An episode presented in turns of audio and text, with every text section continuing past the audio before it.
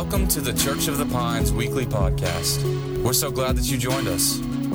If you have any questions about our church, how you can get involved, or how you can support, please visit churchofthepines.com. We hope that you enjoy this week's message. So let's pray and then we'll jump in to the word. Dear Heavenly Father, we love you so much and we're so thankful for what you've already begun to do in this place. And I just thank you that without even uh, us having to teach or preach, just you by your presence and your Holy Spirit have, already begun to do a work in people's hearts today. And I thank you for it. Lord, I thank you that today marks us and that will never be the same. And Lord, as we get ready to open your word and look at it, I pray that you speak to us loud and clear through your word and what it has to say. And we'll pray this prayer together like we do every week. Say, Dear Lord, those things I don't know, teach me. Those things I haven't seen, show me.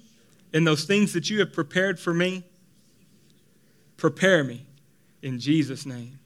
Amen. Amen. If you got a Bible, you can open it up to Genesis chapter 18. If you don't, it's okay. We're going to put the scriptures up on the screen there so you can follow along. There's also blank message notes in that worship guide that Matthew was talking about. So I encourage you to pull that out, and we try to give you a pen, and you could take notes, and there'll be some, some nuggets you can write down today that are going to help you. But Genesis uh, we, we have the story of Abraham. Abraham was one of the early descendants of after Noah, after the flood, and Noah. When the next great patriarch of the faith is Abraham. Abraham walked with God for a number of years, but he was, he was older and he, he didn't have any children with his wife sarah. They didn't have children together. Maybe you if you've been around church you're probably familiar with the story but they're just they're, they're putting some miles in. They're traveling. They're going where god tells them to go doing what god tells them to do been obedient to do everything that he said to do.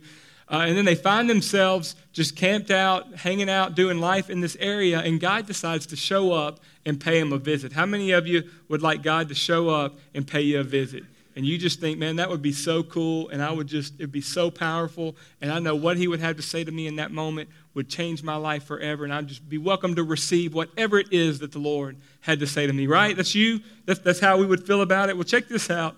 In Genesis chapter 18, so, so these, the Lord shows up in the form of three men and he begins to talk to Abraham, and, and Abraham fixes them dinner, and they sit outside the tent, and they're shooting the breeze and talking about life.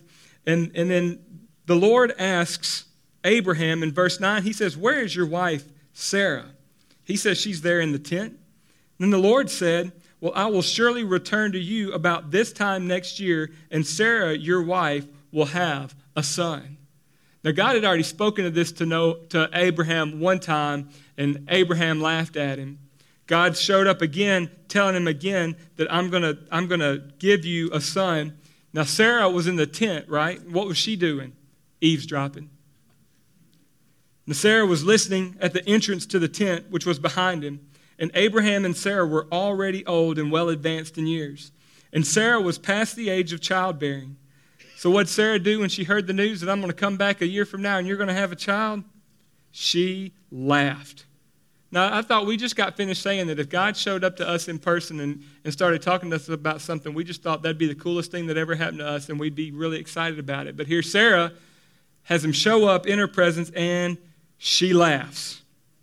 She laughed to herself as, at the thought and she said, After I am worn out and my master is old, will I now have this pleasure? And then the Lord said to Abraham, holding Abraham accountable for what his wife said, that doesn't make any sense. Why don't you just talk to, talk to her? Don't get on me. Why did Sarah laugh and say, Well, I really have a child now that I'm old? He makes this great statement. Maybe you ought to, maybe you ought to tattoo this on your forearm. Is anything too hard for the Lord? The answer is no, just in case you were wondering. It said, And I will return to you at the appointed time this next year, and Sarah will have a son. Sarah was afraid by this point, so she lied. What do we do when we what do we do when we're scared and we're afraid?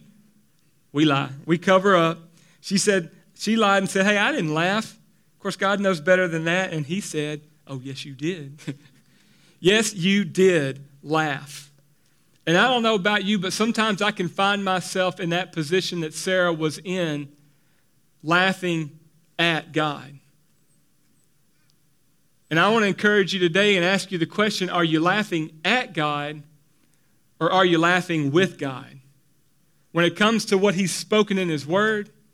For some of you, when it comes to the particular promise that maybe He's given you and your family, like He did with Abraham and Sarah. When it comes to the Word of God and the promises of God, are you laughing at Him or are you laughing with Him? Because there's a difference. I don't know if you know, but there's a difference. I, I had an experience one time of laughing. Uh, I, one of our cousins was at my birthday party. I think I was turning maybe he was turning 40 or something. I, don't remember what it was. We had a birthday party for myself at my mom's house, and all these people there, and we're hanging out. It was some kind of a costume party where we were trying to dress up like the roaring 20s, and we are having a great time, great conversation, great food, all the good stuff. We're sitting around in the living room talking, and, and Angela's cousin, my wife, her cousin, cousin's husband was sitting in the living room across from me in a chair. And as we're talking and having a conversation, all of a sudden, his chair completely gave out. I'm not talking about like it just started creaking to one side and then he fell over. I mean, one minute he was sitting in the chair, the next minute he was sitting on the floor. The legs were gone, the arms were gone. He's kind of a bigger guy, and the chair just gave out right there in that moment. You know what I did? I laughed. Man, I laughed so hard. I laughed. I mean, like, I just fell out. I thought it was the funniest thing I'd ever seen. So I'm laughing, I'm looking around like, how isn't that funny? Just to realize he's not laughing. He didn't think it was funny. And come to find out, he got pretty upset that I laughed at him in the process. That's, so there is a difference between laughing at somebody and laughing with somebody. And we can end up like Sarah so quickly in our lives that when, when we, we're, we're here at church today on the first Sunday of 2020, or, or we've made a decision that we're going to take this step in this relationship, or we're going to we're to make this move that we've been waiting to make for a long time, whatever it is, we, we begin to have this, this laugh that comes up. And I don't think anybody here, you're here the first Sunday of the year, you're excited, you're ready for church. I don't think there's a person in this room that has ever just belly laughed at a promise from God. Like, God, you are so dumb. That ain't never going to happen. Like, nobody's ever done that. I don't think there's anybody in the room that's just ever just completely fallen out, rolling on the floor, laughing at, at something that God's word said, something that we've never done that. We don't, we don't laugh like that because you may, maybe you're saying, I've never laughed at God.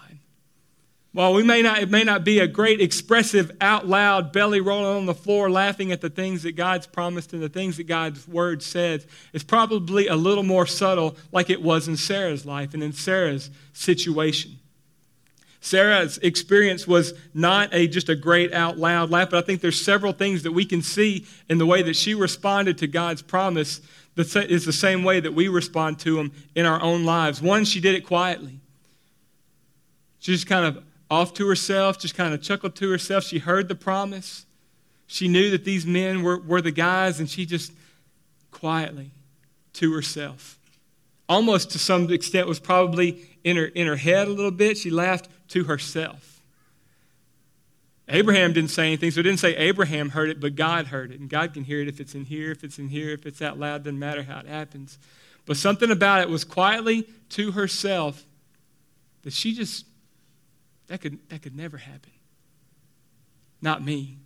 She responded in unbelief. That could never happen. How could you ever do that? I'm, I'm, I'm old. My husband's old. How could you ever, how could I ever experience the joy of childbirth and this promise that you've made? Unbelief. Just completely doubted that God could make it happen. She responded in impatience saying, Yeah, I mean, I've had, we've been at this game for a little while, Lord, hello. Like I'm old. This isn't my first rodeo. We, we've tried this. We, we've been trying this. Maybe that's you in here today. You've, you've been, maybe you've been trying to get pregnant. Maybe that's you. Maybe you've been trying to break a habit. Maybe you've been trying to start a habit. Maybe you've been trying to get closer to God. What, whatever it is, we, we, we get excited. It's the first part of the year. We make these resolutions. We make these decisions, these things that we want to go and do, but we begin to get impatient. One reason is, is that we don't see the results fast enough. We're a results driven humanity. We want to see the results. God doesn't work in those kind of results. God first gives the promise. And where there's a promise, can I tell you, there's going to have to be some patience to back it up. She responded quietly. She responded in unbelief. She responded impatiently. Here's another way she responded she responded alone. She was by herself, laughing by herself. I did a little bit of study on laughing during this message preparation. I'm not going to share much of it, but I did enough reading to know that if you're laughing by yourself, chances are there's something wrong with you.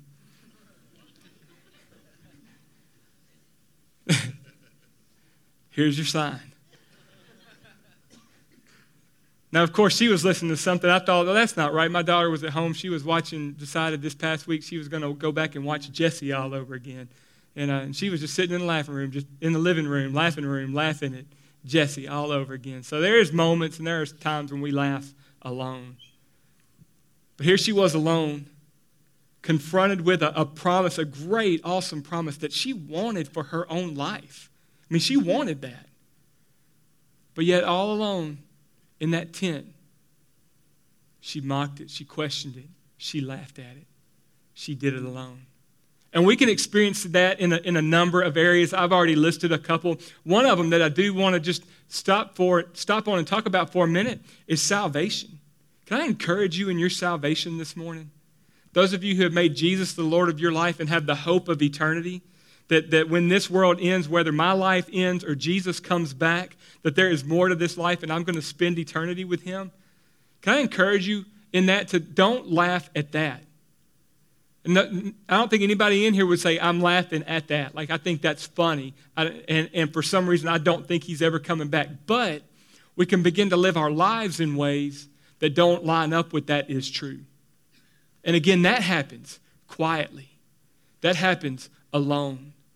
That happens when we begin to, there begins to be unbelief. That begins to happen when the crowd begins to drown out the truth that we believe. 1 Peter 3 3, if you just want to make a note of this and check it out later, says that in the last days there will be mockers.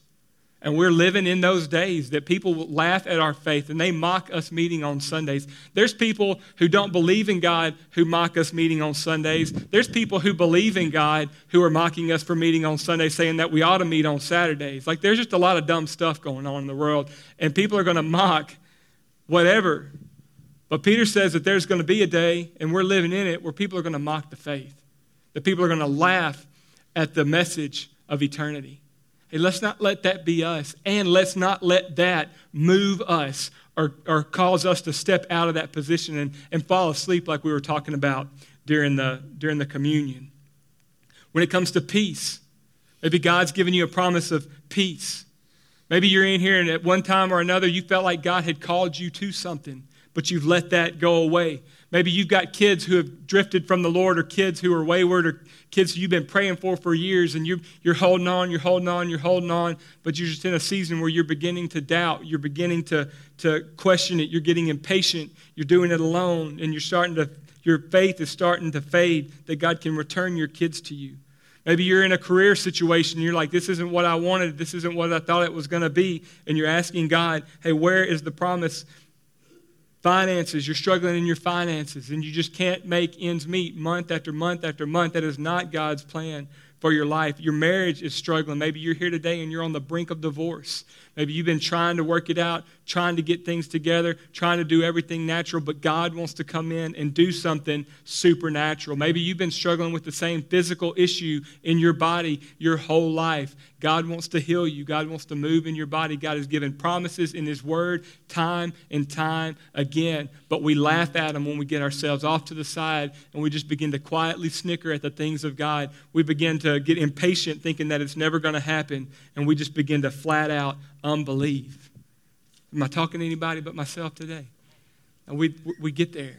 We're there. So how do we do it? How do we how do we get past that? How do we get outside of the mindset of laughing at God and begin to experience the promises and walk in the promises so that we can go from laughing at God to laughing with God? How many of you want to laugh with God? Yes, all the way to heaven. I want to laugh with God all the way to heaven. You can flip over to Mark chapter 5. We're going to see it in the best place that we can find the example of how we're supposed to live our life, and that's through Jesus. Everybody say Jesus. Everybody say Jesus. We used to go to summer camp, and that's the way he made us say it all the time. Jesus. We're going to look at Jesus. Jesus is, Jesus is the example. Jesus is the model. If you want to know how to walk and live a life of faith, look to Jesus because he started it and he's going to end it. Jesus. Mark chapter 5, Jesus is going through the towns just like he always did, healing people and ministering to people. And one of the church leaders, his daughter was sick and she was dying. And he comes to Jesus and he says, Hey, Jesus, my daughter's dying. Will you come heal her? Because he knew that he could, full of faith, and knew that he could heal her. And Jesus says, Absolutely, let's go. Well, in the middle of that, another lady comes to him, wants her healing. Other people are crowding around him. I mean, there's just thousands of people around Jesus all the time. Jesus is making his way. Do you see? Here, do you see one place that you see where you're impatient, where you got to be patient? Jesus was on the way. Jesus was on the way to this guy's house, but you ain't the only one. Maybe that's the word for you today. It's not about you. Sorry, I love you. but Jesus was on the way to heal this girl, but on the way, there were other people who needed stuff too. And Jesus took time to, to minister and to heal all of them, just like he's going to take time and help you. But by the time they got there, the little girl's dead. And that's the scene that we walk, walk in on when we start reading in Mark chapter 5, verse 38. It says, When they came to the home of the synagogue leader, Jesus saw a commotion and people were crying and wailing loudly. And he went into them and he said, Why all this commotion and wailing? Which I love because you know Jesus knew. Jesus, it's a, Jesus knew. Jesus did not know what's going on in the house. He knew it was going. He just wanted to ask them to see where they were, to see are they, are they believing? Where's their faith? What, what, what are they thinking about this situation? Why all this commotion? He says, because the child is not dead, but she's just asleep. To which they all said, That's great, Jesus. You're so smart. Jesus, Jesus, Jesus. Let's go. No. To which they did what? They laughed at him. So what did he do? He put them out. he said, Y'all got to go. I can't work with this. So after that, he put them all out. He took the child's father and mother and, and his disciples who were with him, who were probably Peter, James, and John, his, his top three. And he went in where the child was. And he took her by the hand and he said to her, Talitha cum, which means, Little girl, I say to you, get up. I wonder if he was that dramatic. Probably wasn't. I don't know. But immediately the girl stood up and she began to walk around. She was 12 years old. The writers thought it was important. I think they're pulling our emotions. If you've ever had a 12 year old or a child, you're like, girl, I can't imagine. At this, they were completely astonished. And he gave strict orders not to tell anyone about this, and he told them to give her something to eat. I think that's so funny. Feed her. Hello. You don't even know what to do. Everybody standing around staring at a girl who was dead, now she's alive. Don't y'all know she's hungry? Give her something to eat. One thing I learned from this story is that a promise from God never dies. Jesus told Jairus, Yes, I'm going to come to your house and I'm going to heal your daughter. And I don't know, we don't know how long it took to get from here to there. I mean, I don't think it was like days. But from whatever the amount of time was, the promise still stood. Yes, Jairus, I'm coming to your house. I'm going to heal your daughter. From the moment he said it until the moment he completed it, a promise from God never dies. And if you're not seeing it, that means it's dormant. And there's some things that we can do to make sure we stay connected to God in that season of waiting to, to see the promise fulfilled in our life. That, that's his whole life of faith. We are waiting on this earth for a day that Jesus said is coming. That's what we're doing. And the same faith that started this journey is the same faith that works in every area of your relationship with God. It's the same faith that works in every relationship in your life. It's the same faith that brings about and fulfills every promise that God has made you. The same faith that saved you is the same faith that's going to carry you all the way through to the end. How do we stir it up? How do we make sure that we're laughing with God and not laughing at God? Let me give you a couple of things. Number one, we got to speak faith. That's what we see from Jesus' story in here. Jesus set them up, is what he did. He walked in there and said, Hey, what's all the commotion? Oh, she's dead? no, she's not dead. She's just asleep. He's speaking faith because she was dead. I mean, if the Bible says she was dead, she was dead. But Jesus knew how to come in and speak something that changed everything. Speak faith. That's why we're together as a church, we're reading the one year Bible. And, and maybe you've got a, one, a Bible reading plan. That's great. Somebody asked me this morning, what's the best one? They're all great. Pick a plan, read it. I think it's awesome. If you're on the fence about what it is that you need to be doing, together as a church, we're reading the one year Bible. You can find it, you can buy it at the Christian bookstore, um, but they're online at youversion.com, the Bible app you can download that, and there's reading plans on there. And there's about 40 something of us right now reading it together. And you can read it and you can comment on it. You can share thoughts and share comments. And so if you're looking for a way to connect and get involved, go download the one year Bible plan. But, but where does faith come from? Faith comes from God's Word. Faith comes, the Bible says, by hearing and hearing the Word of God. So we got to be we got to be hearing, and once once once sun, once a week on Sundays is not going to be enough. And I'll tell you, there's a lot of people who like to listen to podcasts and other preachers. That's great. You listen to all those people, but there is no substitute for reading God's word for yourself, because you, you'll believe anything anybody says, unless you know God's word for yourself. And how how are you going to speak faith if you don't have any? And it comes from hearing this. So what we saw, number one, Jesus, Jesus spoke faith the moment he came into the room. The second thing he did was he brought the right people in. He got the wrong people out, and he got the right people in. And maybe that's you this year. You're, you're trying to figure out how do I experience God's best for me in 2020? You need to get the wrong people out and get the right people in. He kicked all the whining, crying, moaning people, he got them on out he had Peter, John, and James who had been through it and seen all the stuff, and the parents who were just hanging on for everything. That's who he chose to be in the room to see this miracle. And you need people. Sarah needed people by her side. That when the Lord said, Hey, she's going to have a child in a year, and she said, that they said, You better get right. Be laughing at the promise of God. What's wrong with you? Obviously she did get it right though. It's interesting to point because she's listed in hebrews 11 which we call the hall of fame of faith. And hebrews 11 says that it was accounted to her as righteousness. Like she was a mighty woman of faith because at some point she got this thing right and she had the child but she needed people in her life along the journey to say, hey, this thing's going to happen. You need somebody in your life when you're feeling down, when you're starting to unbelieve, when you're starting to doubt, when you're starting to listen to the wrong voices. You need people in your life who are going to come alongside you and say, come on, giddy up, let's hang with it. You need somebody who you can put your shoulder on and cry and have a safe place to cry on somebody's shoulders. Everybody needs that. Everybody needs somebody in their life who can look you in the eye and say, You got a little spinach in your teeth right there got a little, you got a little boogie right there. You need to do something about that. We all need that. That's why we're such big proponents of small groups. Our, our, small group semester, we do it in a semester basis, and those will start at the end of January after 21 days. We do that intentionally. We don't want to get too, too much going on at one time. But small groups are going to start, and I encourage you, find a group, find your people. Don't do it alone, because people are going to help you speak faith. And then the third thing we see from Jesus is just trust God. Everybody say, trust God. Everybody say, trust God. Trust God. I think it's, that's so important. Because we can look at Jesus, and I, I, think we read the story, and we just picture Jesus just coming in there floating. I wish I, could, I had like rollers or something. Yeah, He just comes in floating. Mm, here I come. About to do something. I don't think he rolled like that.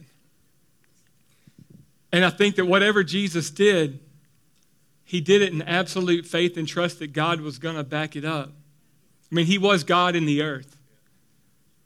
But Jesus got baptized in the River Jordan. He, he did about 30 years of life without ever doing anything.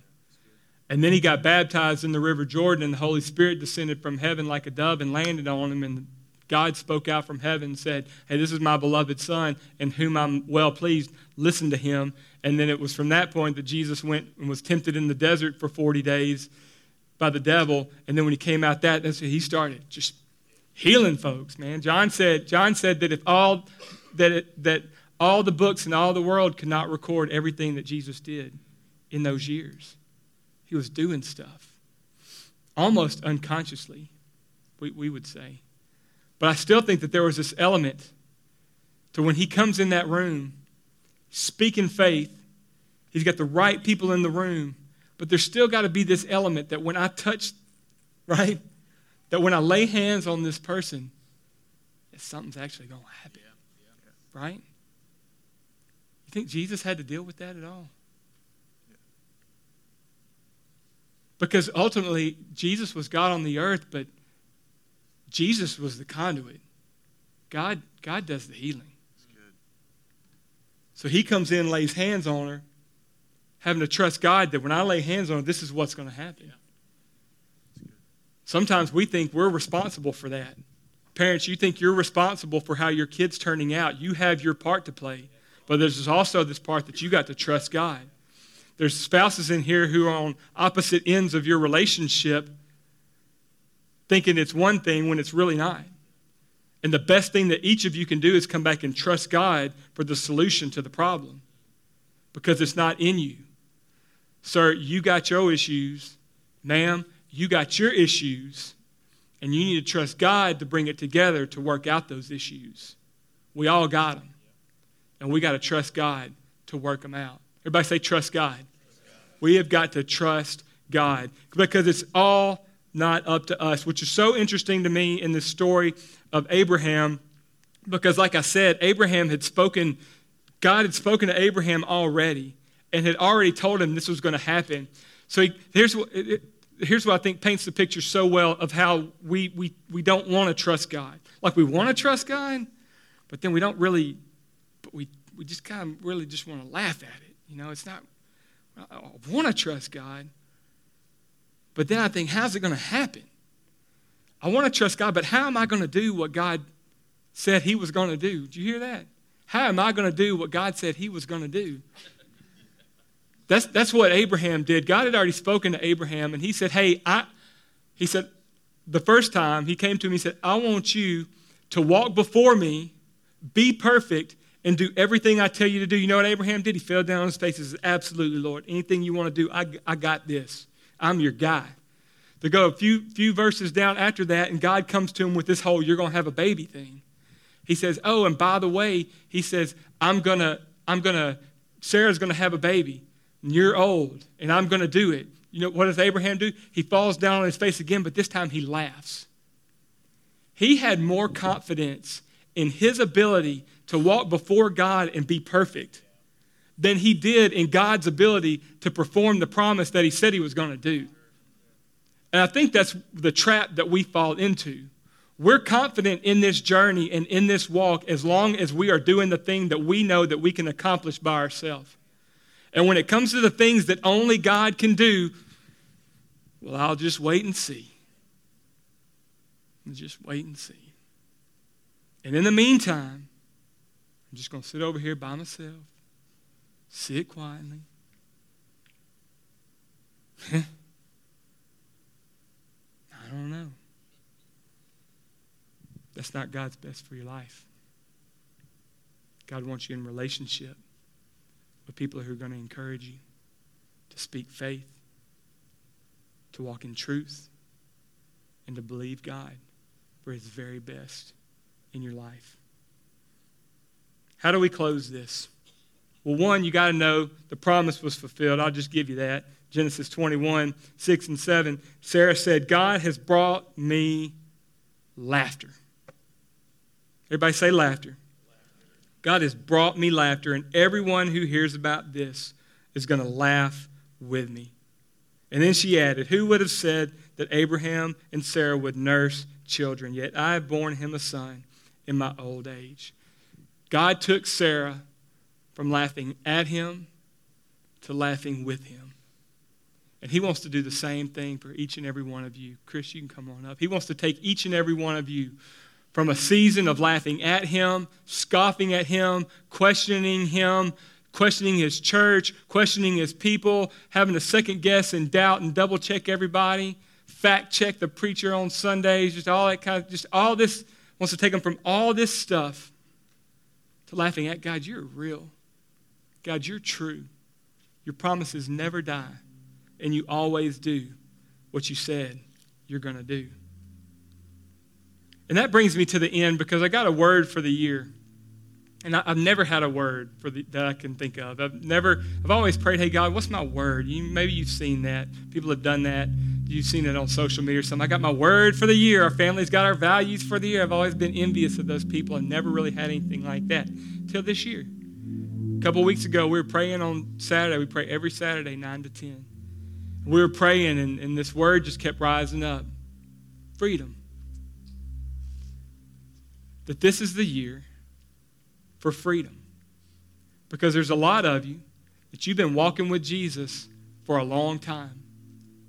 And you're no further in your relationship with Him because you're dealing with the same issues that have always brought you back. Still dealing with the same, Bible calls it sin, dealing with the same weights. We call them issues. That you're just dealing with the same old stuff. Saved, righteous in Christ, going to heaven, there's no doubt about that.